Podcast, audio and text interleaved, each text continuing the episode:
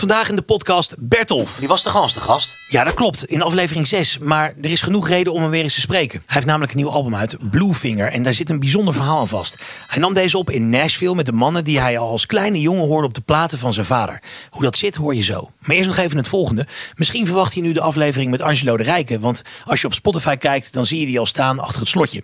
Die kan je dus al bekijken en beluisteren als gitaarvriend. Voor een kopje koffie per maand ben je dat al. En daarmee steun je de podcast echt enorm. De aflevering met Angelo komt begin oktober online voor iedereen. Dus vandaag maak je ook ineens onverwachts kennis met een nieuw onderdeel in de podcast. Een onderdeel waar jij ook daadwerkelijk wat aan hebt. Dijkmans Dilemma heet het. En waar het op neerkomt is het volgende. Je kan een gitaarset ter waarde van 1250 euro winnen. Dus blijf kijken tot het eind. Veel plezier met deze nieuwe aflevering van Gitaarmannen de podcast met Bertolf. Was die goed? Ja, prima. Oké. Bertolf, goedemorgen is het voor ons. Uh, voor de mensen is het natuurlijk gewoon een, ja, een, een onbepaalde tijd. Want de podcast luister je natuurlijk wanneer het jou uitkomt. Uh, maar wat ik wel even wil weten op deze maandag 11 september. Hoe is het op dit moment in de stad van de Blauwvingers? Nou, uh, warm. Warm, ja. Reeds, ja. Uh, ik zit met een ventilatortje hier zo achter, om het ah. een beetje koel te houden. Ja, ja, ja. Maar voor de rest is alles relaxed, zoals altijd in de stad van de Blauwvingers. Want jouw nieuwe album heet uh, Bluefinger. Is dat, uh, ik las ergens dat het een verwijzing is naar als bluegrass spelers veel spelen dat ze blauwe vingers krijgen? Of is het nou gewoon een directe verwijzing naar Zwolle? Het is, het is alles van dat. Ja, ja. nee, het, ik vond het een leuke titel omdat het uiteindelijk een soort, dacht ik, weet je wel, het vangt heel veel. Want dit hele project begon in Zwolle bij, uh, bij Poppodium Hedon. Die hebben tegenwoordig een talent support. Mm En die vroegen aan mij op een gegeven moment, als jij nou hardop mag dromen, wat zou je dan het allerliefste willen doen muzikaal? En toen begon ik natuurlijk gelijk over Jerry Douglas en Nashville en zo. Ja. Nou ja, dus, dus ook om een soort, soort uh, hen te eren en de stad waar ik woon, weet je omdat het plan toch hier begon. Bluefinger, ja. want zo worden wij inderdaad genoemd, uh, Blauwvingers. Maar ik dacht, het gaat ook, het staat natuurlijk ook voor Bluegrass, uh, want het is echt een Bluegrass plaat geworden. En inderdaad, blauwe vingers van de studeren, want ik heb me echt helemaal kapot gestudeerd om te proberen goed genoeg te zijn om met mijn grote helden, weet je wel, een beetje daar mee, Ja. mee, mee te kunnen meten of zo. Of tenminste, ja. Ja, want even een stukje context voor de mensen. Uh, we hebben het over je nieuwe album. Die uh, verscheen afgelopen vrijdag 8 september, Bluefinger. En het is eigenlijk een soort best-of album geworden. Met Ja. bijdragers van onder andere ook Ilse Lange en, en Tim Knol. En ja, dat inderdaad wat je net al zei. Je hebt gewoon met jouw helden, een Jerry Douglas, een Stuart Duncan, Mark Schatz, eh, David Benedict, Wes Corbett. En voor de mensen die ze niet direct kennen, eh, wie zijn deze mensen? Kan je dat uitleggen kort? Dat kan ik wel uitleggen. Of nou. Jerry. Ehm, nou, laten we beginnen bij, Jer- bij Jerry Douglas. Dat is eigenlijk de beroemdste. Eh, dat is een dobro-speler. Eh, dobro, voor de mensen die misschien dat ook niet weten, is natuurlijk een soort. Dat, eh, dobro is eigenlijk een merknaam. Hè? Dat komt van Dopiera Brothers. Dat waren Tsjechische immigranten. En die hebben eigenlijk de square neck. Dus dus, dus het is gewoon een hals waar je niet op kunt spelen als je hem, als je hem als normaal vasthoudt als een gitaar. Omdat die heel, de snaren staan heel de hoog boven de, boven de hals. En nou ja, het is dus eigenlijk, je speelt hem eh, omgekeerd hè, op, je schoot. Met een slide en met fingerpicks. Eh, en ja, hij heeft allemaal van die eh, nou ja, metalen konussen. En het was eigenlijk een poging om de gitaar luider te krijgen. En dat Ja. is eigenlijk op een gegeven moment zijn eigen instrument geworden. En Jerry Douglas is eigenlijk gewoon sowieso binnen de bluegrass muziek een soort de Jimi Hendrix van de dobro. Je hebt een soort het instrument voor hem en het instrument na hem. En na, na hem doet iedereen hem na, weet je wel. Iedereen is geïnspireerd om dobro te spelen Ja. door hem. Ehm, en hij is ja, een, een, een belangrijke man in de ontwikkeling van de bluegrass muziek. Maar hij heeft ook met heel veel grote popjongens gespeeld. Zoals eh, James Taylor en Paul Simon, Elvis Costello. Dat soort, dat soort mannen. Dus eh, een echte grote, ja, iemand wa- waarnaar ik eigenlijk al luister sinds dat ik zes was of Ja. zeven. Want, want, want mijn vaders platencollectie en later ook mijn eigen platencollectie. Ik denk echt letterlijk dat hij op meer dan de helft daarvan meespeelt. Weet je wel, zowel op de bluegrass-achtige platen eh, als ook op de, op de popdingen. Dus een, een, een hele grote man in mijn een soort mythe eigenlijk in mijn beleving. Was hij een soort van eh, de hoofdprijs? Als je eh, toen je aan dit project begon. Ik kan me voorstellen dat je een lijstje hebt die misschien uit meer namen bestond dan alleen deze gasten. Maar dat hij misschien. Stond hij bovenaan? Hij stond bovenaan. Ja. Ik ben ook met hem begonnen. eh, qua mensen benaderen. eh, dus, en de rest van de band volgde daar een beetje omheen. Maar mijn, mijn, mijn, mijn E-list van, van muzikanten waren zeg maar, allemaal mensen die... nou ja, de, de muzikanten waarmee ik opgegroeid ben, dus die vooral in de jaren 80 en 90... de bluegrass muziek eigenlijk naar een soort nieuw niveau tilde. Door, door eh, nou ja, bluegrass muziek is natuurlijk van traditie, eh, van tra- traditiegetouw heel ehm, traditioneel en, en ook heel erg drie akkoorden en, Ja. en dat soort dingen. En, en op een gegeven moment kreeg je een generatie die, die wat, wat jonger was en die ook allerlei jazz en pop en rock invloeden gingen toevoegen aan de bluegrass. Nou, daar was Jerry Douglas er een van. Stuart Duncan, de violist, was, eh, was daar iemand van, van die scene. En dat waren eigenlijk alle muzikanten waarvan ik dacht... als ik dat groepje muzikanten nou eens bij elkaar kan krijgen Ja. eh, eh, op mijn plaat... dat zou echt waanzinnig zijn. Zijn er nou ook nog gasten, dat is gewoon even, vind ik dan wel interessant, die dan niet gelukt zijn? Die je wel op je lijst had staan, maar die dan net niet konden of, nou ja. Ja, zeker. Ik heb bijvoorbeeld eh, ook echt deel van die generatie van muzikanten was Sam, Sam Bush, de mandolinespeler. En die heb ik honderd mails gestuurd, maar daar heb ik nooit één antwoord op terug mogen Ah. krijgen. Ook geen, geen afwijzing of nee, Sam is niet geïnteresseerd of hij kan Niks. niet of eh, helemaal niks. Gewoon geen contact. Nee, geen contact. Eh, en eh, ook via zijn boeker geprobeerd en via zijn management en via zijn Facebook en alles, maar dat, Ja. daar kwam ik gewoon niet, niet tussen. doorheen. Nee. Nee. dat is dan wel, wel irritant. En, maar ja, misschien die gasten zoals een Jerry Douglas en zo. Heb je dan nog geprobeerd om via die weg ook weer contact te zoeken? Of, Nee, eigenlijk niet. Want dat vond ik toch een beetje... Want zelfs de, de banjoist die nu in mijn band speelt... speelt in de band van Sam Bush. oh, Maar ik vind het op een of andere manier toch niet... Voelde niet lekker om dan... Want dan voelde het alsof ik via Ja. de banjoist bij Ja. Sam Bush probeerde te komen. En dat, dat was niet zo. Want ik vond die banjoist zelf eh, ook helemaal te gek. ja. Dus dat heb ik niet op die manier eh, geprobeerd. Nee, dat vond Nee. ik niet integer. Nee, nee, nee. dat is dan niet helemaal kies. Nee, precies. Nee, inderdaad. Nee. En eh, kan je nog herinneren de eerste keer dat je dus in Nashville aankomt? En eh, je had ook een cameraploeg, geloof ik, die je volgde, toch? Voor Uur van de Wolf? Ja, klopt ja. ja En dat je daar die, die studio binnenkwam en dat je die gasten daar ontmoet. Hoe was dat? Nou, het grappige was, ik was daar de avond van tevoren. Ik heb sowieso eerst drie dagen de toerist gespeeld in Nashville. Dus ik ben naar het Bluegrass Museum, Oh ja. ook in Kentucky nog gereden. En de Grand Ole Opry gezien en de Ryman en al dat soort plaatsen. Want ik was nog nooit in Nashville geweest. Dus ik dacht, ik ga eerst eens even dat Ja. allemaal bekijken. En toen hadden we op de avond voordat de opnames zouden beginnen, eh, hadden we een, eh, een afspraak met, met de producer David Cinco. Om, eh, al, want die had alles al gemiked. En weet je, om de studio te bekijken, een beetje werkoverleg. En toen werd hij dus op een gegeven moment gebeld. En hij zei gelijk, hey Jerry. En op een gegeven moment be- begon zijn gezicht een beetje te betrekken. Zo van, oh, oh. Yeah, yeah, he's sitting right next to me now. Do you want to talk to him? Had ik dus ineens mijn grote held Jerry Douglas aan de telefoon. Oh, wow. En ik dacht, ik, eigenlijk toen ik daar was, kon ik de hele tijd nog niet geloven dat het allemaal echt zou gebeuren. Want ik had natuurlijk alleen maar mailcontact gehad met die gasten. Ja. Niet even Zoom of, eh, of eh, even bellen. Nee. Dus het idee zo van, dit is heel raar dat we dit wel hebben afgesproken. Maar ik moet nog maar afwachten of ze echt komen opdagen. Ja. En toen had ik dus Jerry Douglas aan de telefoon. En ja hoor, hij begon gelijk te vertellen over... Hij kwam net terug van een tour met Tommy Emmanuel. En hij had eh, zijn hand geblesseerd. Hij, eh, hij, had echt last van en een blessure. En dat had hij al wat langer. Maar hij zou de volgende ochtend eventjes langs de dokter voor een injectie. En eh, zou dan waarschijnlijk een kwartiertje later zijn. dus, dus was het ook gewoon een soort, weet je wel, de grote Jerry Douglas die zich even bij mij komt verontschuldigen. Dat hij de volgende dag waarschijnlijk een kwartiertje later is. kwartiertje later. Ja, Ah, dat is wel later. mooi. Dat is een mooie Dus eerste kennismaking. Het was een hele mooie scan, maar en hij was ook gelijk aan de telefoon heel tof over de demo's. Dat hij die nog had opgezet en dat hij die tof vond en eh, dat hij er zin in had. En de volgende dag kwam hij in de studio ook gelijk een knuffel geven. En eh, je krijgt de groeten van Ilse de Lange. En eh, ja, jij ook. En, dus dat was een hele hartelijke, hartelijke man die bij mij gelijk, weet je wel, alle eh, gevoelens van... eh, Ja. eh, Not worthy. Eerbied. Not worthy. ja, precies. Ja. Dat gevoel, dat, dat kan hij wel goed, eh, kon hij gelijk goed opheffen. Misschien dat alle groten dat wel, wel hebben. Op de Ik denk het wel. Dus misschien wel een Je eigenschap ook- die heel belangrijk is. Ik denk dat je misschien, nou bij Jerry Douglas valt het natuurlijk wel mee, want zo beroemd is hij niet. Maar ik hoor wel vaak over bijvoorbeeld McCartney dat hij heel goed schijnt te zijn in mensen op hun gemak te stellen. Omdat Ja. Hij zo vaak meemaakt dat mensen onder de indruk van hem zijn. Dat op een gegeven moment vind je daar natuurlijk ook een soort eh, modus operandi weer in of zo. Ja, ja, kan ik me heel goed voorstellen dat je inderdaad daar op een gegeven moment zelf ook ongemakkelijk van wordt. Dus dat je denkt, ik moet daar iets mee. Ja, dat denk ik wel, ja. Daar leer je mee ja, omgaan. Precies. Nou, wie weet, Bert, of als wij ooit zo beroemd worden dat we dat op een gegeven moment, hè, als we 80 zijn.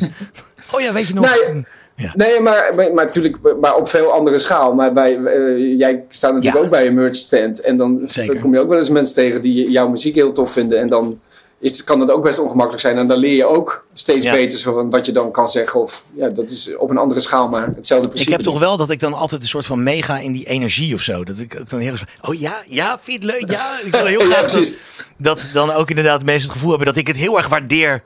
Oh, dat ik niet zo overkom zo van, eh, ja, ja, geweldig, dankjewel. Ja, thanks. Ja, Ja, thanks. Ja, goed. Ik, Nou, ik moet altijd de neiging te onderdrukken om te zeggen van ja, ja, oh vond je het mooi, oh wat fijn. Ja, dat ging voor ons eigenlijk vanavond niet zo goed. Want en dan komt er een hele lijst met technische mankementen of eh, weet je wat. Dat, moet ik, dat moet je ook niet doen, want Nee. mensen vinden het juist tof. En ja, Precies, nee, je wil, je wil die magie niet helemaal wegnemen inderdaad. nee, precies. Hey, kan je vertellen hoe een dag in de studio er dan uitziet met deze gasten? Want ja, dat is natuurlijk, je was nog nooit in Nashville geweest en je had die gasten nog nooit ontmoet. En dan begint die eerste studiodag. Ehm, ja, ver- vertel, hoe, hoe, hoe- hoe werken zij? Wat is hun modus operandi?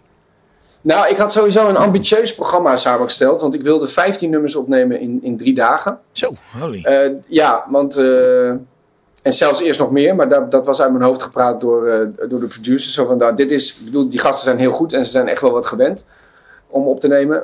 Maar vijf per dag is echt wel de max. Oh ja. Eh, het zijn er uiteindelijk 14 geworden, eh, omdat we op een gegeven moment met de instrumental Team Hoover, wat echt een, een pittig stuk was, daar zijn we op een gegeven moment een halve dag mee bezig geweest om dat goed oh, te wow. krijgen.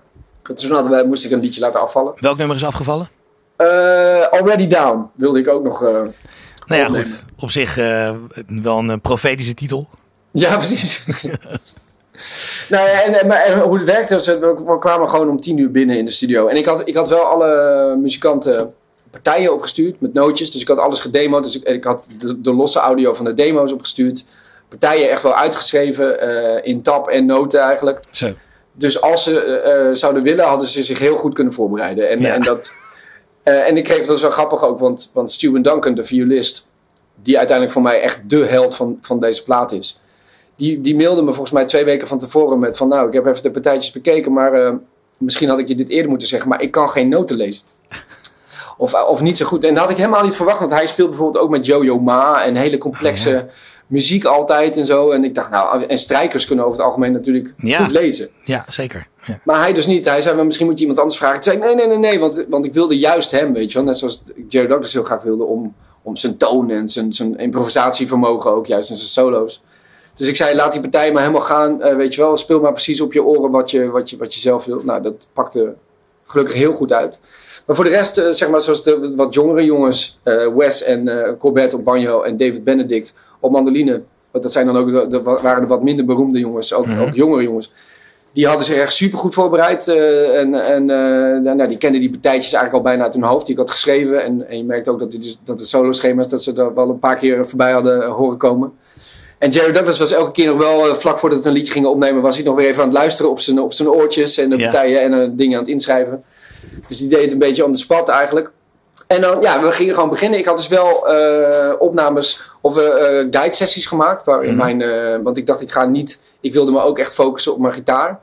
De, de, het gitaarspel. Dus ik had een guide zang opgenomen voor elk nummer. En dan wel een klik. Ja. Zodat we ook nog een meerdere takes konden uitwisselen eventueel. En toen was het gewoon gaan. En dan was het eigenlijk gewoon, deden we vijf, zes takes van elk nummer. Eerst was het vaak een beetje kennis maken, proberen, het liedje leren kennen.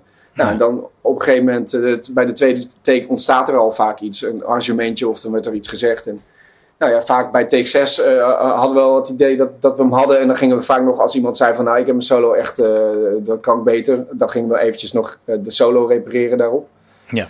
Eh, of we hadden ook wel eens dat we zeiden van nou, eh, het outro van take 3 was helemaal te gek. Maar de rest van het liedje was eigenlijk van take 5 het beste. En dan konden we die gewoon mooi editen. Hoe mooi gekomt worden.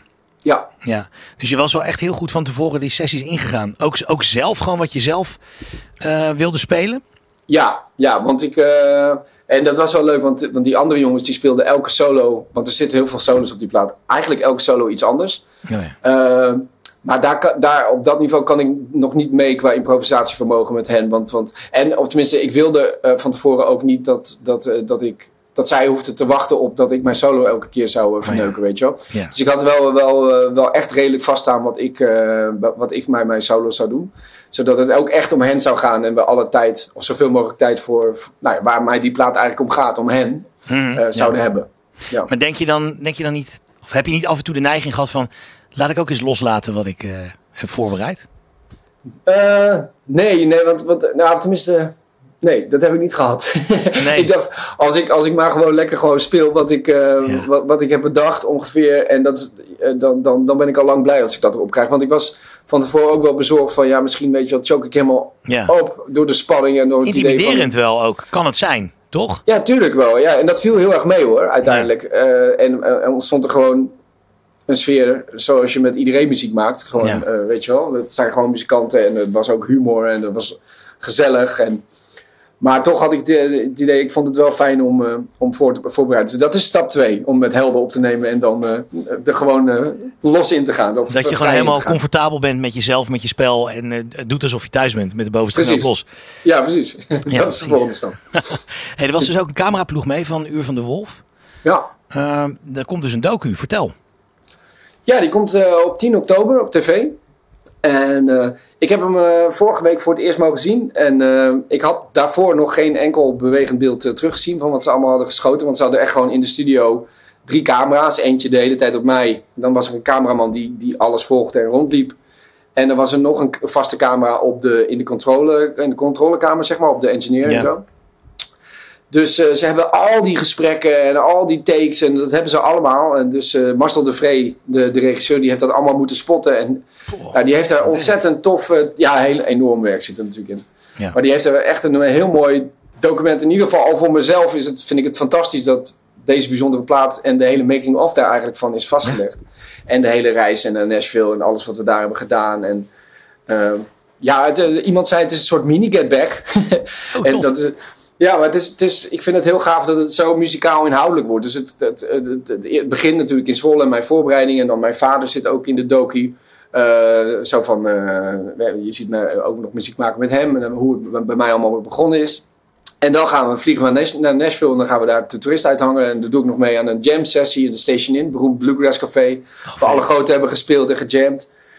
En eh, nou ja, dan gaan we gewoon de studio in. En dan, dan, zie, je, dan zie je die plaat ontstaan. En ook eh, nou ja, wat, je, wat je net allemaal vroeg, dan, dan zie je Ja. hoe dat gaat. Oh, Dus ik vind het heel leuk dat er zo'n muziekinhoudelijk document op tv komt ook. Weet je wel? Ja. Dat zie je niet zo vaak. En zitten er nog eh, emotionele momenten in? Ja, ja, wel een paar. Eh, tenminste, je ziet op een gegeven moment dat ik ontroerd ben. Ik moet natuurlijk nog niet alles verklappen, maar, Nee, nee, maar je, nee. je ziet... klein, eh, klein je- tipje van de sluier. ja, je ziet dat ik ontroerd ben. Ik ben, was sowieso de hele tijd heel erg ontroerd door het vioolspel van, van Stuart Duncan. Dat raakte mij zo. Hij heeft zo'n mooie toon en hij, hij improviseert zo geweldig. En ook zo in, in, in, in, in wat ik had gehoopt of zo, weet je wel. Dan zie je op mij een gegeven moment bijna in tranen uitbarsten. En dan zeg ik tegen Stuart Duncan... Oh, Stuart, do you want to make me cry every time? Of with every song of zoiets, weet je Ja, wel. ja, ja.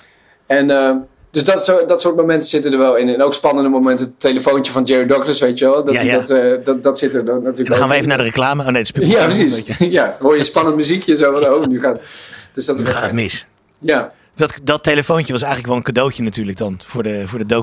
Voor de docu was het, eh, was het eh, echt heel goed, ja. Ik Ja, vond het zelf goed. op dat moment niet zo leuk. Nee, dat begrijp ik inderdaad. nee. Dat begrijp ik. Ehm, ik ben even benieuwd, was het een bewuste keuze om met een soort best-of richting Nashville te gaan? Waarom niet bijvoorbeeld met een berg nieuwe, nieuwe liedjes? Want jij schrijft gewoon, natuurlijk gewoon altijd. Ja, nou, het, is, het, het was. ehm, het had ook een praktische reden. Want, want, eigenlijk begon deze plaat dus met, met het idee van de muzikanten en, en Nashville. En, en, eh, dus daar ben ik eigenlijk mee, mee begonnen. En toen dat, dat allemaal eh, leek te gaan lukken, toen dacht ik, ja, wat ga ik daar dan opnemen? En toen was het al zo van, ja, laten we dat we richten op ongeveer mei. Dus dat was nou, minder dan een jaar eh, vooruit toen. Oh ja. En toen dacht ik, ik, ik vind het eigenlijk een heel eng idee om nu met twaalf nieuwe songs, dat ik, het, dat ik die nu nog moet schrijven voordat ik de studio in ga. En ik vond het een heel comfortabel idee, zo van laat ik nou eens met, weet je wel, ik heb een soort de beste muzikanten die ik me kan voorstellen. Laat ik daar dan ook heen gaan met mijn beste songs en die zich, een, die zich al bewezen hebben. Ja. En ik vond het zelf ook interessant om te kijken van wat, wat die liedjes dan eh, in bluegrass versies zouden doen.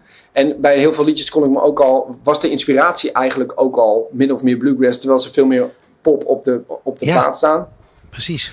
Een liedje zoals Wrinkles is voor mij eh, in mijn hoofd altijd een soort Tony Rice, Chris Steele-achtige tokkelpartij geweest. Die dan op de plaat wel met drums en pedal steel is ingekleed. Maar die wat mij betreft eigenlijk in mijn hoofd altijd wel met viool en Jerry Ja, Douglas. Eh, Dat zat er eigenlijk altijd al gewoon in. ja, ja, dat, dat wilde ik ook nog wel weten. Was het niet dan lastig om al die bestaande liedjes, die natuurlijk gewoon min of meer ingesleten zijn al, omdat je ze zo vaak hebt gehoord, ook tijdens het, het, het maakproces, het opnameproces, Mhm. eh, om dat dan om te zetten naar zo'n bluegrass versie. Is er nergens een liedje geweest waarvan je dacht van, "Mm, ja, gekunsteld. Ja, zeker wel. Want ik heb alles dus eh, gedemoed. En, en ehm, ik heb, ik, het plan was, nou laat ik eigenlijk van elke plaat, want ik heb zes platen gemaakt, twee liedjes pakken. En dan, dan, Oh ja. dan, ehm, dan komen we ongeveer op een album uit. En ehm, ik dacht, dan doe ik eigenlijk van elke plaat ongeveer de single en, en een persoonlijke favoriet. Oh ja, Zoiets. Ja. ja, goed wel. Ja. Ja. En eh, toen, toen eh, First and Then bijvoorbeeld is mijn, mijn me- meest beluisterde liedje op Spotify. Dus ik dacht, nou, dat is... En het is een mooi, uh, rustig liedje. En ik dacht, nou, dat is een, dat, die moet er natuurlijk op. No-brainer. No-brainer. Dus die ben ik gaan, gaan demoen. En dat werd heel saai. Ik dacht, en heel vlak. En dat is dus zo'n liedje wat wel... Omdat de drums zomaar heel rustig doorgaat... en een soort steady puls geeft... dat is wel wat je het liedje door Hm. eh, haalt, zo, met de tekst. Maar op een of andere manier in, in, met bluegrass instrumenten en... eh, want heel vaak is zeg maar de mandoline chop, dat wordt de vervanging van de snare ongeveer, weet je wel. Die is vaak op de 2 en de 4. Maar het- ja, het werd saai en vlak, wat mij betreft. En, en, en een ander voorbeeld is bijvoorbeeld Cut Me Loose, dat ik dacht van ja, dat was eigenlijk de single van, eh, van eh, mijn plaat Snakes and Ladders. Maar een heel, echt wel een rocknummer. Eh, Ja. En waarschijnlijk gaat dat niet werken, maar ik ga hem toch demoen. Kijken wat hij doet. En die pakte juist heel spannend uit, omdat Ja, het zo uit een andere Ja. ja, uit een hele andere context komt. En dat je dan toch hoort van... hé, hey, maar er zit toch ook iets van blues in, in het refrein. Of, Ja. Ja, en daar, daar werkt bijvoorbeeld de drums vervangen door, door de mandoline chop. Omdat het ook in een onregelmatige maatsoort is. Ja. Wel heel tof en werd dat spannend. Dus zo eh, kon ik er af en toe eh, van tevoren niks over zeggen. En ontstond dan pas bij het demo. Het blijft toch ook dan een mooi mysterie, toch? Muziek maken. Ja, Ja, ik kan me ook voorstellen dat het wel spannend is om een bluegrass plaat te maken. Zeker commercieel gezien. Ik bedoel, eh, ik denk als je ehm 9 van de 10 platenmaatschappijen zouden zeggen... Nou, nou, bluegrass, Eh, zou je dat nou wel doen? zou je dat nou wel doen? en is het dan niet juist handig om, nou ja, eigenlijk gewoon de, de best of te pakken... eh, waarmee je in ieder geval voor jezelf dan misschien ook al wel kan verkopen van... Nou ja, het zijn in ieder geval de beste liedjes die zich al hebben bewezen. Nou, dat, ik zal je heel eerlijk vertellen, dat heeft er ook mee te maken, want dat, dat, eh, dat heb jij heel goed door. Maar ik heb namelijk om deze plaat te mogen maken subsidie gehad van het fonds Upstream, van Fonds Podiumkunsten. Want het is natuurlijk gewoon een, een duur project. Hm. Wat normaal gesproken niet, niet uit zou kunnen uit eh, hoeveel platen je nog verkoopt, weet je wel, tegenwoordig. Lastig. Helaas. Ja, Ja, dat is lastig. wel. Ja. Dus dat was een soort, soort, soort scheef. Dus daar hebben we een soort aanvulling van gehad op dat budget. Maar voor Upstream Music moet zeg maar eh, ook het hele idee... Je moet ook kunnen aantonen dat het project wat je doet... een soort structureel meer publiek gaat opleveren bij jou. Ja. En dus er moet ook een soort van businessplan of een soort commercieel aspect aan zitten. En dat heb ik dus ook bedacht van... Nou, als ik nou inderdaad mijn, mijn beste songs pak... dan is het in ieder geval een best-of. eh, en, en zit dat kantje er ook aan. En met het idee van misschien gaan we dit ook, omdat bluegrass natuurlijk wel een internationaal fenomeen is, eh, met, met, met ja, wereldwijd liefhebbers daarvan, Ja. gaan we ook internationaal eventueel wat, wat luisteraars winnen. Dus dat is eigenlijk eh, het commerciële aspectje eraan. Ja, precies. Want wat is dan zeg maar het plan richting het buitenland? Eh, want ja, de, de- ik zie wel, weet je, als jij een, eh, een filmpje opneemt voor bijvoorbeeld de fellowship, komen we zo meteen nog even op.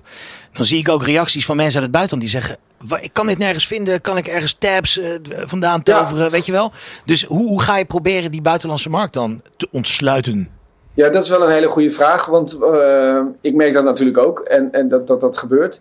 Nou ja, ten eerste wat, wat er nu aan het gebeuren is, en dat vind ik heel tof, is dat, dat liedjes aan eh, gewoon eh, bluegrass playlists en dat soort dingen op Oh ja. Spotify worden toegevoegd en dan ook wel mooi hoog in het, in het lijstje komen. Ja. Dus ik heb inderdaad, ik kijk nu wel eens bij Team Hoover, die instrumental, die, die staat dan in Instrumental Newgrass, zo'n playlist. En dan sta ik tussen al mijn grote helden, Bela Fleck, Tony. Gewoon op nummer 4 ergens of zo. Dus de- ik heb dan, eh, dan kijk ik naar mijn lijstje, weet je wel, luisteraars op Spotify. En dan, dan staat er Zwolle, Denver, Ohio, Nijmegen, weet je wel. En Dus dat is al heel Dat is wel te gek. ja. Ja, ja.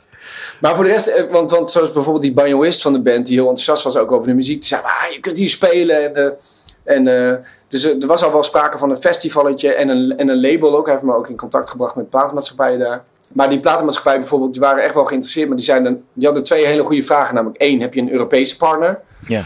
Eh, toen zei ik nee. En toen ben ik gaan zoeken van welke Europese partner is eigenlijk gespecialiseerd in, in roots muziek en bluegrass-achtige dingen in Europa. Nou, die zijn er niet echt. Zijn er niet? Oh. Nee, toch, toch wel moeilijk. En vraag 2 was, heb je, heb je hier al tourplannen? Dus het is, het, weet je, het is ook een Ja. beetje van, ja, waar begin je nou? Moet je Kip eerst- ei weer, hè? Kip-ei, ja. Dus dit, want ik, ja, dat is ook een beetje het verhaal. Ik, heb natuurlijk, ik ben natuurlijk ook... eh, ik zit met een gezin en, en, en, en een tour hier en zo. Dus als ik 25 was geweest, dan had ik waarschijnlijk eh, gedacht... Nou, weet je wat, ik ga gewoon eh, een, Ja. een, eh, een jaar naar Nashville of zo. En dan ga ik eens kijken wat, er- wat, wat er gebeurt. Ja. En nu is dat toch net iets lastiger. ja, dat kan ik me heel goed voorstellen. Dat je dan toch dat risico... Ja, Omdat, want ja, je hebt hier gewoon natuurlijk je, je basis. precies. En daar ben je natuurlijk ook gewoon nog steeds dat aan het uitbouwen ook verder. Ja. Het is moeilijk om op twee paarden te wedden. En nou ja, wat je zegt, als je jong bent, dan heb je zeeën van tijd. En denk je van nou, dat lukt wel. Doe ik wel gewoon. Ja. Met twee kids. En eh, nou ja, goed. Ja, dan zou je er bijna, Ja. dan zou je er bijna met z'n met z'n allen heen moeten of zo. Ja. Daar, hebben, we- daar hebben we zelfs wel eens een beetje aan, eh, aan eh, gedacht of over gefantaseerd. Ja. Maar nee, ja, voorlopig hoop ik gewoon, bijvoorbeeld, het zou heel tof zijn als we dan toch bijvoorbeeld volgend jaar in de zomer één of twee festivaletjes eh, zouden kunnen, kunnen doen daar. En dat het, Ja. Dat er bijvoorbeeld, ik hoop ook nog steeds dat er een, een recensie in een, eh, in een Bluegrass blad eh, hebben we natuurlijk wel opgestuurd. Ja. Dus dat in ieder geval steeds meer mensen daar eh, kennis van nemen. Ja, en in Duitsland, dat soort dingen, dat is natuurlijk allemaal wat dichterbij. Eh, nou ja, ik, ik weet een Ilse daar ook niet bijvoorbeeld een, een ingang. Want die zit natuurlijk ook wel een beetje in die Nashville. Die zit wel, eh. eh, ja, die zit wel in Duitsland. Maar ja, Ilse zit natuurlijk toch wel ook in Duitsland heel erg in de, in de pophoek Ja. hoor, denk ik Ja. gewoon. Eh. Maar er zijn wel bluegrass festivals ook in, in, eh, in Duitsland. En, maar goed, ik denk eh, dat dat is allemaal later. Laat ik, weet je, ik heb nu straks nog 40 shows in Nederland staan. Laten we die eerst maar eens even goed doorkomen. En Genoeg te doen. later willen. Ja, precies. En dan zien we, zien we het jaar daarop wel weer of we eventueel nog ergens anders wat kunnen doen. Ja, snap ik. Hey, toen die plaat was opgenomen, heb je in Nederland natuurlijk ook nog wel het een en ander eraan, eraan gedaan, toch? Ik be- begreep Ja. nou dat Bouke Bakker ook de tweede stem doet. Hoorde ik die nou eh, Zeker. meezingen? Ja, gewoon op Another Day. hè, Waar, waar, waar Ja. hij natuurlijk op het origineel ook eh, op meezingt. En eh, wel meerdere liedjes. En Diederik Nomde heeft meegezongen. Eh Nathalie Schaap, die nu in mijn band zit, die heeft ook nog een koortje gedaan. Dus dat hebben we allemaal bij Guido Albers opgenomen. De man die mijn twee eerste platen ook heeft opgenomen en geproduceerd. Vond ik leuk om hem ook weer te betrekken. Omdat er natuurlijk heel veel liedjes van die platen ook op het, Ja. op het album staan. Eh, dus eigenlijk, ik, en ik heb het thuis gezongen gewoon. Of echt gewoon weer in mijn fietsenschuur. Oh ja. Eh, met, een, met een mooie mic die ik dan van Guido mocht lenen. Eh, dat vind ik altijd fijn, want dan heb ik alle tijd. En dan, Precies, als ik niet die dagje, Nee, precies. Van studio, dure studiotijd. En als het dan een dagje niet lukt of een ochtend dat ik denk, jeetje, ik ben nog helemaal niet, niet wakker qua stem. Dan, doe ik het gewoon s'avonds of weet je. Dat, Precies, dat idee vind ik het altijd heel relaxed. Ja. Ja. En hoe ga je dat nu live doen? Want komt Jerry Douglas bijvoorbeeld ook een keer naar Nederland om mee te doen? Nou, daar dat hebben we ook wel een beetje geprobeerd. Dat is ook nog niet zo, want hij is super druk bezet eh, man. En is eh, eigenlijk constant op tour. Ehm, dus dat staat nog niet in de planning. Nee, wij, wij gaan gewoon in, eh, met een Nederlandse band gaan we dit in het theaters doen. En ik heb daar naar mijn inzien het, ja, het beste, de beste mensen voor gezocht in Nederland. En bijvoorbeeld Joost van Es is een violist die, die maakt hier in Nederland al 40 jaar eh, bluegrass, denk ik, loopt hij mee. Ja. Die speelt op viool en Janos Kolen op mandoline. Fantastische multi-instrumentalist, maar mandoline is wel zijn, zijn, zijn hoofdinstrument, zeg maar. En dan eh Nathalie Schaap en Jos van Ringen, dat, die komen bij mij uit Zwolle. Die hebben zelf ook een soort blue, newgrass, progressive, bluegrass-achtige band. Eh, dus die zitten al heel erg in die muziek. Ja, En dan eh, op Dobro is Casper de Groen. En die heb ik eigenlijk eh, op internet ontdekt. Oh, wauw. Eh, dat is wel grappig, want hij had op Instagram een cover van mij gezet. En dat vond ik goed gedaan. Toevallig Camille Loose. En toen ben ik hem gaan volgen. En toen zag ik hem op een gegeven moment ook Dobo spelen. Toen dacht ik zo. Want er zijn natuurlijk niet zoveel mensen op, in Nederland Nee. die Dobo spelen. En toen dacht ik, het is echt goed gedaan. Een goede, goed gevoel voor timing en vibrato en intonatie en zo. En, dat, dus toen heb ik hem gevraagd, wil jij, zou je geïnteresseerd zijn in, in eh, Dobo Ja. spelen in dit? En dat, eh, dat vond hij, en die studeert zich helemaal de schompers eh, op die partijen van Jerry Douglas. Dat doet hij hartstikke goed. Dus dat is wel ja, een is soort kicken. zelf opgeleid, zeg maar. Ja, zelf gescout. Ja, Wat goed, wat goed. Gewoon uit de eigen jeugd van Bertolf. Ah, precies. Van de FC Bertolf. ja. En wat ik wel leuk vind, is dat je, dus, je hebt ook een bonus-EP opgenomen met je vader. ja. eh Lentink en Son. En vier jaar geleden, toen spraken wij elkaar ook voor deze podcast. En toen vertelde je ook al dat je nou ja, vroeger samen met je vader platen maakte in de, in de woonkamer. Even luisteren. Ik deed ook wel optredens met mijn vader op een gegeven moment. Eh, gewoon duo optredens, dus dit soort dingen. En dan ook wel zingen erbij. En eh, ik maakte... Ik maakte ook, eh, op een gegeven moment hebben we twee bandjes gemaakt met mijn vader. Want mijn vader had ook een, nou, ja, had twee goede microfoons. En dan op een cassettedek namen we dat dan op. En dat deden we dan vaak op, op zondagmiddagen. En dan stuurden we mijn zusje en mijn moeder eh, de deur uit. En dan gingen we vier nummers opnemen en zo. En dan hadden we... Dus ik heb twee bandjes met hem gemaakt. Maakte ik ook een hoesje, weet je wel. Ja, ja, ja. eh, gaan we met z'n tweeën op de foto. En dan En dat, en dat verkochten we dan ook wel bij optredens en zo. Ga je dat uh, ooit op Spotify zetten? Dat weet ik niet, maar ik, ik heb wel het idee opgevat om, nog, om dat nog een keer met mijn vader te doen. En dan, en dan echt professioneel opnemen. Want ik vind het wel heel, heel tof om met mijn vader een, uh, nou, een hele traditionele plaat op te nemen. Met nummers die voor ons allebei, uh, weet je wel. Is je vader nog, is hij met pensioen of werkt hij? Is met pensioen, ja. Dus, die dus speelt... je, zou gewoon, je zou gewoon theatertour met hem kunnen doen. Bij dat zou ook kunnen, ja. Dat zou ook nog wel een idee zijn. Ja. Ah, nee, daar zit hij denk ik niet op te wachten. Want dat, ik heb hem één keer toen had ik in de kleine comedie mijn albumpresentatie voor mijn derde plaat. En toen had ik ook gevraagd van, nou, uh, doe anders een liedje mee. Want dat was een soort vorm van een interview ook. En uh, wilde ze ook iets weten over hoe ik was begonnen en zo. En toen, als, ik, als ik zag hoe, hoe zenuwachtig mijn vader daarvoor was, dacht ik van, nou, dat ga ik hem nooit meer aan. Nee, dat wil ik dan niet nee, aan doen. Nee. Ah, joh. Maar wel, wel leuk dat je, dat je überhaupt gewoon met hem hebt opgetreden. Ja, dat is natuurlijk uniek. Ja, ik, vond Het, ik, vond het, ik vond het hartstikke normaal. Ja, tuurlijk. Ja. maar nu, nu ik erop terugkijk, denk ik dat is inderdaad wel, dat is echt wel bijzonder om met je vader muziek te maken. Dus dat, ja, Bertolf. Gaat dit nu wel op uh, Spotify komen? Niet op Spotify, maar we hebben natuurlijk wel echt een hele plaat uh, opgenomen. En uh, ja, ik ben daar een paar keer, ik denk een stuk of zes keer heen gereden naar Dronten, naar mijn ouderlijk huis. Precies hetzelfde huis waar we vroeger zelf ook bandjes opnamen. En uh, dan gewoon in Pro Tools met, uh, met vier, vier mics opgenomen deze keer. En dat is hartstikke mooi geworden. We hebben, we hebben liedjes uitgekozen die ons beide dierbaar zijn. Of die echt iets betekenden in, in, vroeger ook voor ons allebei. Ja. En die hebben we gewoon mooi met z'n tweetjes opgenomen. En, en dat heet Lenting Sun. Dat was het cadeautje eigenlijk voor de mensen die de plaat vooruit hebben besteld. Ja. En hij is straks ook te koop bij de, bij de tour bij de tour. Kijk, dus als je deze plaat wil, Lenting Sons, kom naar Bertolf's theatertour. Uh, kaartjes denk ik uh, bertolf.nl, toch? Slash tour. Ja, nee, .nl.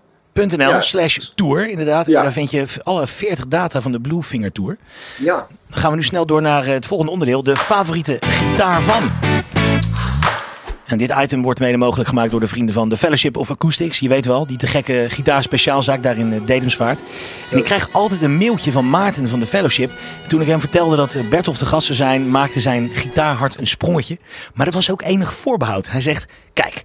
Bertolf hou ik het liefst helemaal geen gitaren meer voor. Hij heeft namelijk de unieke gave om van elke gitarist een realist te maken. En na elke demo die hij inspeelt denk ik, ja, zo klinkt de gitaar wel goed, ja. Geitje natuurlijk, knipoog. Nou is knipoogje weer even Maarten. Uh, hoewel alle gitaargasten welkom zijn om een moppie te komen spelen, zijn we heel blij met de video's die we met Bertolf hebben gemaakt. En de gitaar die ik heb gekozen voor Bertolf is er eentje die we ook direct kunnen laten horen. Het is namelijk een Martin D35 uit 67. Dit is een van de laatste D35's met Brazilian Rosewood. De GOAT onder de Woods, Waar ze na 69 uh, overstapte op Indian Rosewood. We kunnen even luisteren.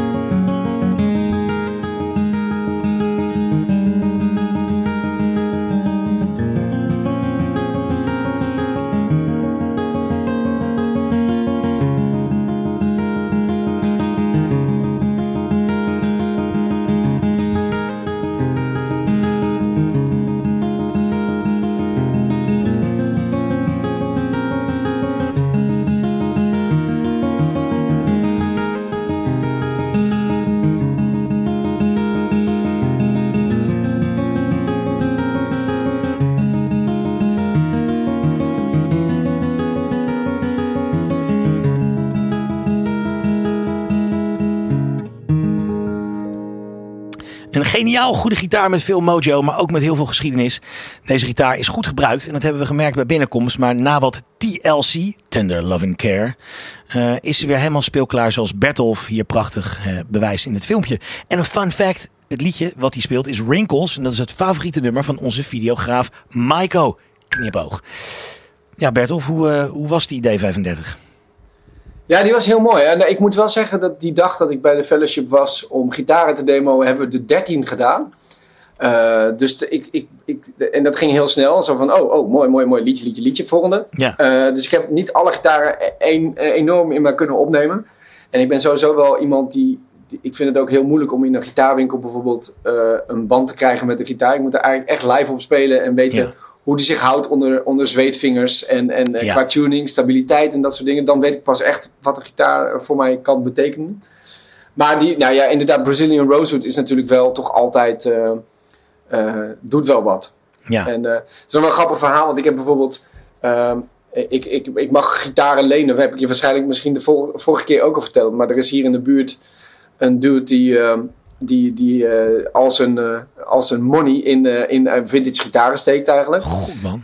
Dat En een- goede investering trouwens. Jazeker, ook dat Ja. nog eens. Maar hij heeft er zoveel dat hij er niet, niet allemaal op kan spelen tegelijk. Dus hij, hij laat wat gitaristen zo in de buurt die hij tof vindt, laat hij die gitaren lenen. Dus Ja. ik, heb al, ik heb deze, deze gitaar.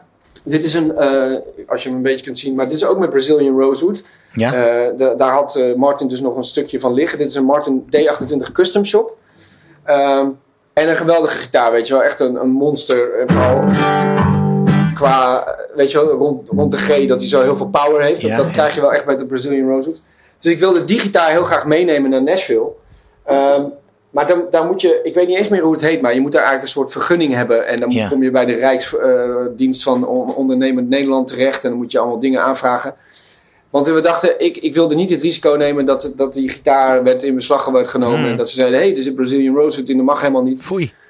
Ja, precies. Dus ik, eh, toen heb ik dat allemaal in gang gezet. Maar toen bleek dus dat die gitaar in Frankrijk is geïmporteerd. En daar is er zo'n zo'n zo'n ding voor op aangevraagd. En toen heeft de fellowship hem uit Frankrijk weer gehaald. Zo.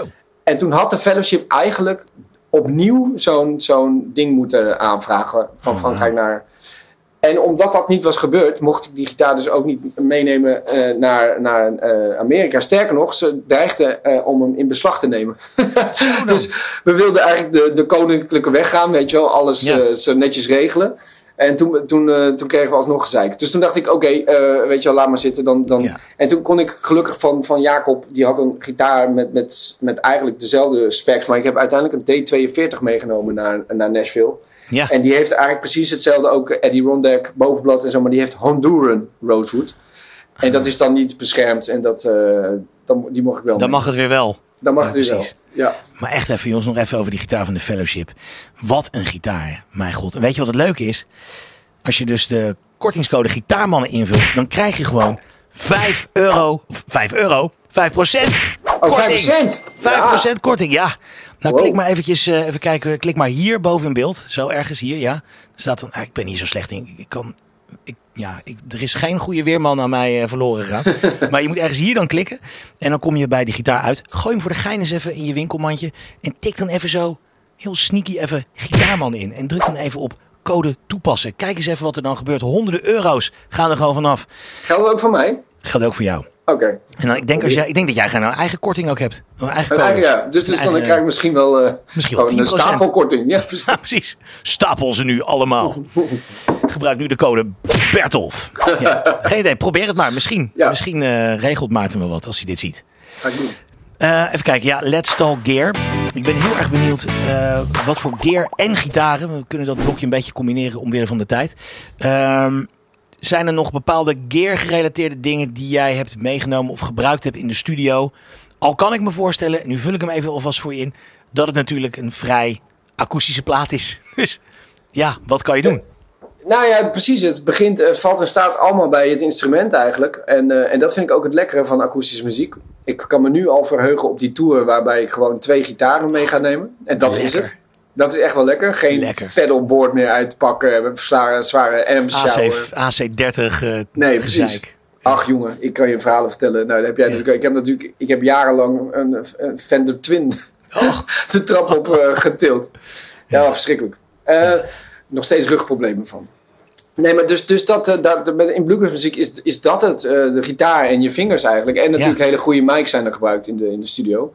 Dat vond ik dan wel grappig. De, de engineer Dave Cinco, die, dat is ook een Grammy-winning eh, eh, mixer. En eh, die werkt ook met Punch Brothers, een echt geweldige gast. Maar die had dus een ribbon voor het Ja. klankgat gezet. Wat, wat ik een opvallende keuze vond. Omdat ribbon natuurlijk niet zoveel hoog heeft. nee. En en de, het geluid voor het klankgat eigenlijk sowieso het meest muddy is. Maar die had hij toch voor de, voor de body. en, en, en dan gewoon inderdaad rond, rond, de, rond de eh, hè, 14e of 12e fret. Ja. En dan eentje bij, bij de Brugmeer. Eh, twee eh, small eh, diaphragm condensers van, van Neumann.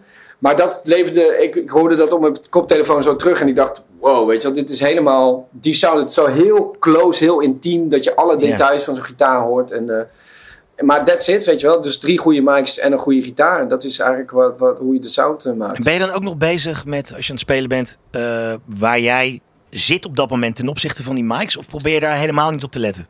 Nou, ik, ik zou daar eigenlijk wel op moeten letten. Eh, Dave Cinco moest mij ook regelmatig weer eventjes eh, manen van nu ben je toch iets gaan. vers- Want ik zit toch, weet je wel, aan te Ja. reageren op muzikanten en, en te bewegen. Ehm, wat, wat wel een ding is, is, is volume. Dus ik, ik, want het is wel met bluegrass zo dat, en dat merk ik, een gitaar is in principe bijna het zachtste instrument uit de bluegrass band. Dus Ja. het- v- vandaar ook dat ze de dobro gingen uitvinden op een gegeven moment. Want het is gewoon, je komt er eigenlijk niet bovenuit. Boven een banjo, die snijdt zo. En een mandoline is Hmm. hoger, dus die snijdt er ook doorheen. En op een gitaar moet je akoestisch best wel hard werken om, eh, om een volume te krijgen. Ook al heb je dan zo'n kanon als zo'n zo'n Martin D28. Ja. Dus, eh, en dat wil ik eigenlijk niet. Ik hou heel erg van een soort relaxed gespeeld, weet je wel. Eh, want dan krijg je gewoon zoveel betere sound. Dus ik heb mezelf best wel hard op mijn koptelefoon gezet. En dan toch proberen wat zachter te spelen, zodat, eh, zodat je een mooi geluid krijgt. Heb je dan weer niet eh, in één keer problemen met overspraak op die, eh, op die mics? Nee, dat valt wel mee. Ja, dan moet je de rest weer. Het gaat Ja. natuurlijk ook om de, de verhouding in de mix. Precies. En als je dat dan. Ja. Dus de gitaar relatief hard en dan de mix redelijk zacht. Want ik vind het altijd wel ingewikkeld als ik eh, een liedje begin qua opname. En, eh, vaak begin je dan met een akoestische gitaar. Ja, En dan wil ik toch graag die klik lekker horen. En dan Oh, ja, kom je altijd op het einde van het nummer aan, waarin je dan waarschijnlijk eh, vaak dan leg je dat akkoord neer of iets, weet je wel, waarin het uitsterven en dan hoor je dat. toek, toek, Ja. toek, toek. God, nonne je. Hoe kan ik dat nou? Weet je, dus ik kan me voorstellen dat als je dus helemaal akoestisch speelt en ook dingen in, een, in één take eh, worden opgenomen, ja. ja. dat je dan niet wil dat, dat je in één keer last hebt van overspraak. van klikoverspraak of zo. ja, nee, precies. Dus je moet het eh, toch wel redelijk zacht zetten. Ja, De koptelefoon over het algemeen. En natuurlijk, je moet ook een klik hebben, dit, want die hebben we wel gebruikt, die niet zo. eh, die dat, Ja, ja. die- niet die standaard klik in Pro Tools. Die, eh, nee, nee, Maar nee. dit was meer een soort shakerachtig ding, wat bijna in de muziek paste, weet je wel. Ja. Ja. Dan, eh, dan heb je ook. En natuurlijk altijd aan de. Want ik bedoel, de vormen lagen vast in principe van de nummers. Dus je kunt altijd gewoon de, de, de klik Ja. uitzetten, gewoon een maat Precies. voordat het nummer eindigt. Dat is ook zo. Dat moet jij ook doen, hè? Ja, goed, dankjewel. ja. Val ik even door de mand heen. Welkom bij Podcastmakers Ontmaskerd. Eh, even kijken. Zijn er nog bepaalde YouTube-kanalen die jij in de gaten houdt? En bijvoorbeeld ja, dingen die je inspireren als je het even niet meer weet? Nou, wat ik heel leuk vind om te kijken is eh, Jens Larsen. Ik weet niet of je die kent. Het is Nee, eigenlijk een, jazz, nee. een jazzgitarist die volgens mij ook Nederlandse banden heeft. Of eh, ook een tijd in Amsterdam heeft gewoond en zo. Hij speelt wel eens in Nederland. Maar die, dat is echt een jazzgitarist die, die best wel goed dingen uitlegt. En ik was een tijdje, zat ik weer eh, met de Musketeers, moest ik een jazz solo spelen in een liedje eigenlijk. Een liedje van Pascal. En toen zat ik te Dat is al zo jazzy. Hè? ja, nee, maar die was ineens eh, helemaal geïnspireerd door eh, de, eh hoe heet het, de Roosberg trio en zo. Oh. Dus het was een beetje gypsy jazz-achtig ding. Ik wilde er toch gek. solo over spelen. En toen dacht ik op een gegeven moment ineens, hoe zat dat ook alweer met melodisch mineur? Want je kunt dus melodisch mineur kun je gealtereerd spelen over dominante, bla bla bla. en ik, Hm, ik had dat in mijn conservatoriumtijd gehad. ja, precies. En ik, ik wist niet meer zo goed hoe dat zat. Dus ik zat een beetje zo van, wie kan dat op... oh, gewoon op jazzgitaar goede theorie dingen weer uitleggen. Toen kwam ik op hem en hij heeft hele eh, nou, korte, inzichtelijke, duidelijke eh, jazztheorie. Maar ook, eh, weet je, wat, het gaat echt over muziek maken, niet alleen over wiskunde. Dus daar ben, daarin, toen werd ik in die, eh, in dat getrokken. gezogen. Ja, precies. ja. Oh, te gek. Dus nog dat vind ik echt een goede... Jens Larsen. Jens Lars, ik schrijf het even op. Twee S'en, ik. Oké, ja, goed dat je het zegt. Ik had natuurlijk weer één S gedaan. Ja. Jens Lars, ik zal hem even linken. Hierboven, God, non- hier, hierboven in beeld. Ja, als ik dit doe, dan zit ik goed. Hierboven, ja. Oké, top, ja. Nee, andere kant. Oh, oh, Ja, Daar? Ja, ja daar, daar zit hij, ja. daar waar het logo staat van... Ja, uiteindelijk wel, ja. ja. dus dat moet dan weer weg, ja, gedoe. Komt allemaal goed in de edit.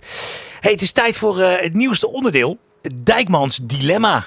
Ja, eh, de vervanger van het aloude Dilemma-blokje. En dat is iets eh, waar jij als luisteraar en kijker ook wat aan hebt. Let maar op. Eh, Dijkmans Dilemma, dus gesponsord door Dijkmans Muziek uit Breda. Onze gast heeft slecht nieuws gekregen. Eh, sorry Bertolf, je bluegrass plaat is gigantisch geflopt. Je platenmaatschappij krijgt nog geld van je. Dus je besluit een andere identiteit aan te nemen. Je noemt jezelf Dotan en je vlucht naar een onbewoond eiland. Maar, maar je hebt goede banden met Dijkmans muziek in Breda. En die besluiten je nog één keer te helpen. Je krijgt 1250 euro en vijf minuten de tijd om op de site van Dijkmans muziek een complete gitaarset uit te zoeken. Hierna is het direct een enkeltje Elba, dus daar hangt nog wel wat vanaf. En na twaalf afleveringen maken we de balans op en mag jij, de luisteraar, laten weten welke van alle twaalf sets jij tos vindt. Met een motivatie erbij natuurlijk. En samen met Dijkmans kies ik dan de winnaar. En die gaat er vandoor met die hele set ter waarde van 1250 euro. Hoe vet is dat? Oké, Bertolf, ben je er klaar voor? Ik denk het wel. Oké, je weet het Hey, zeker, denk want- je? Ja? Ja, want we, nou, wij moeten natuurlijk. Ik zou dan toch wel gewoon een. Want ik, ik ben ook alles kwijt, hè? Al mijn instrumenten zo. De Ik heb tijd niks gaat meer. nu in trouwens. Alles Ja. kwijt. Oké, ja, dan ga ik toch eventjes bij staalsnarige gitaren kijken. Ja. En kijken of ik eh, daar Dus iets ja, goeds van je- kan halen. Je zit gewoon op een onbewoond eiland. eh, in je eentje. Ja, En je hebt 1250 euro om het nog een beetje aangenaam te maken. Ja, ik zou zeggen- graag een steelstring hebben. Maar deze Martin is eh, bijvoorbeeld best wel goedkoop. De Martin SC eh, 10E Road Ja. Series. Maar dan toch wel net weer te duur. Net te duur. Ja, dat is natuurlijk het dilemma. Waar ga je voor? Ja, we hebben hier een Verge Blue voor el- op 1200 euro, laten we maar zeggen. Een Eastman is ook nog wel een overwegen waard. Ik vind Eastman best wel oké eigenlijk over het algemeen. Ja, dat zijn toch wel fijne gitaartjes.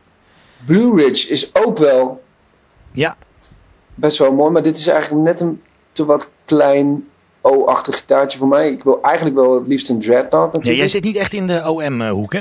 Nee, nee, eh, voor Bluegrass en zo is, is wel gewoon de D-modellen. Dus ik, ik, ik zit wel vaak in de, de D18, D28 eh, dingen Dan te heb je zoveel mogelijk punch nodig.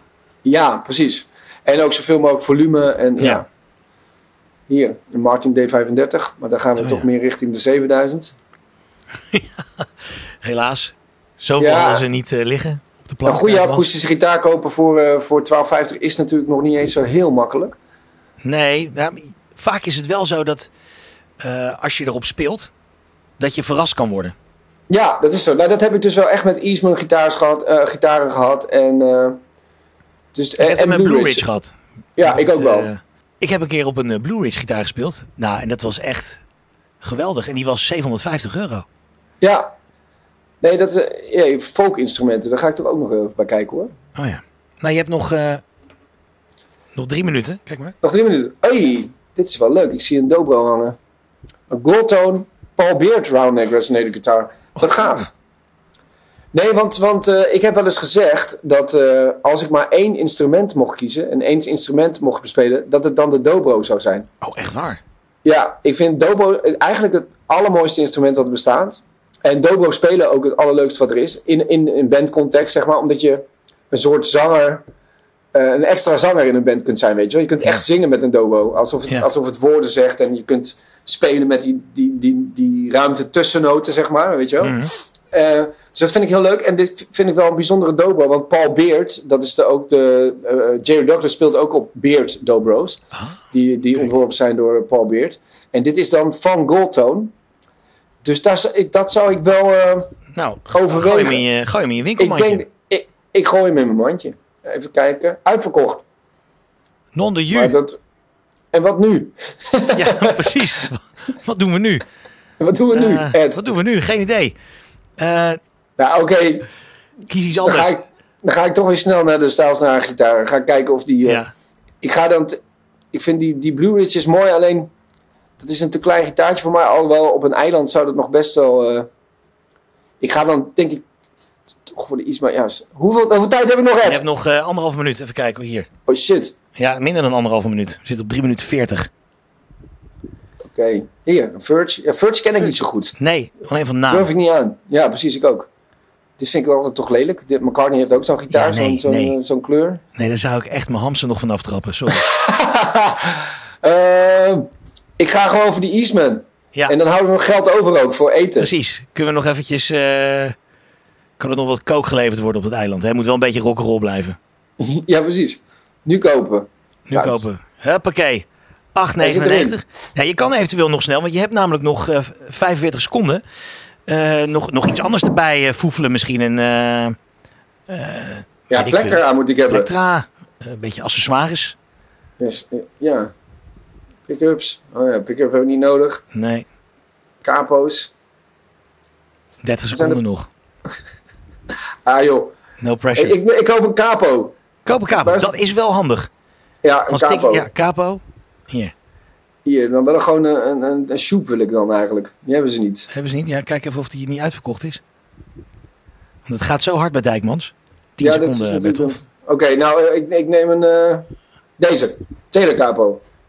40, euro. Nou, dat is wel echt een luxe. Gewoon echt een goede kaper. Toevoegen aan het winkelmandje. Hoppakee. Hups.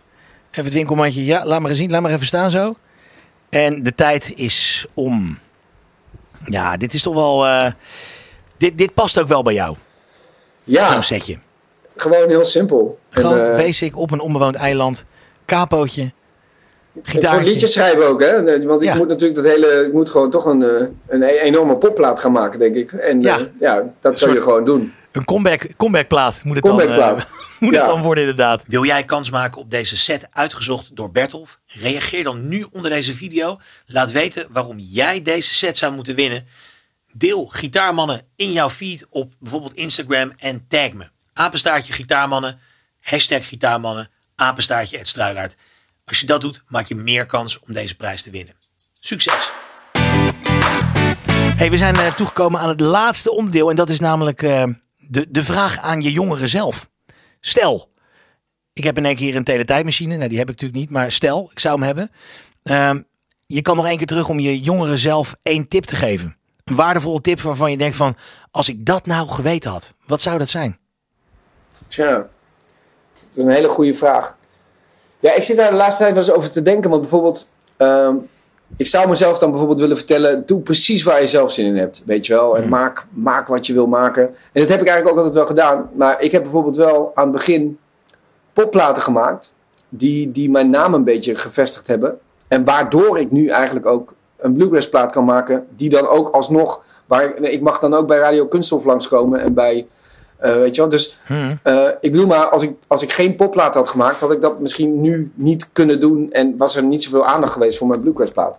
Dus dat, zeg maar, doe precies waar je zelf zin in hebt, is ook ergens relatief. Je moet soms misschien ook wel inderdaad nadenken over hoe kom je er nou een beetje doorheen. Dus die tip zal ik dan toch niet helemaal mezelf... Ik zou denk ik gewoon zeggen, ah jongen, maak je niet zo zorgen. Maak je niet zo zorgen. Ja, doe relaxed, weet je wel. Eh, Het, het gaat toch vooral om... je hebt muziek gekozen omdat het, eh, omdat het leuk was. En, en omdat, je, omdat het je grote passie is. Dus laat het dan ook gewoon altijd je grote passie zijn of zo, weet je wel. Heb de hele tijd het bewustzijn van ik ben met iets heel leuks bezig. En ehm, probeer ook een beetje je eigen brandende ambitie te relativeren of zo op een of andere manier. Hou het vooral leuk. Nou, dat is een mooie om mee af te sluiten. Zoiets. Dankjewel Bertolf en succes met de tour. Graag gedaan man. Ik vond het een heel leuk gesprek wederom.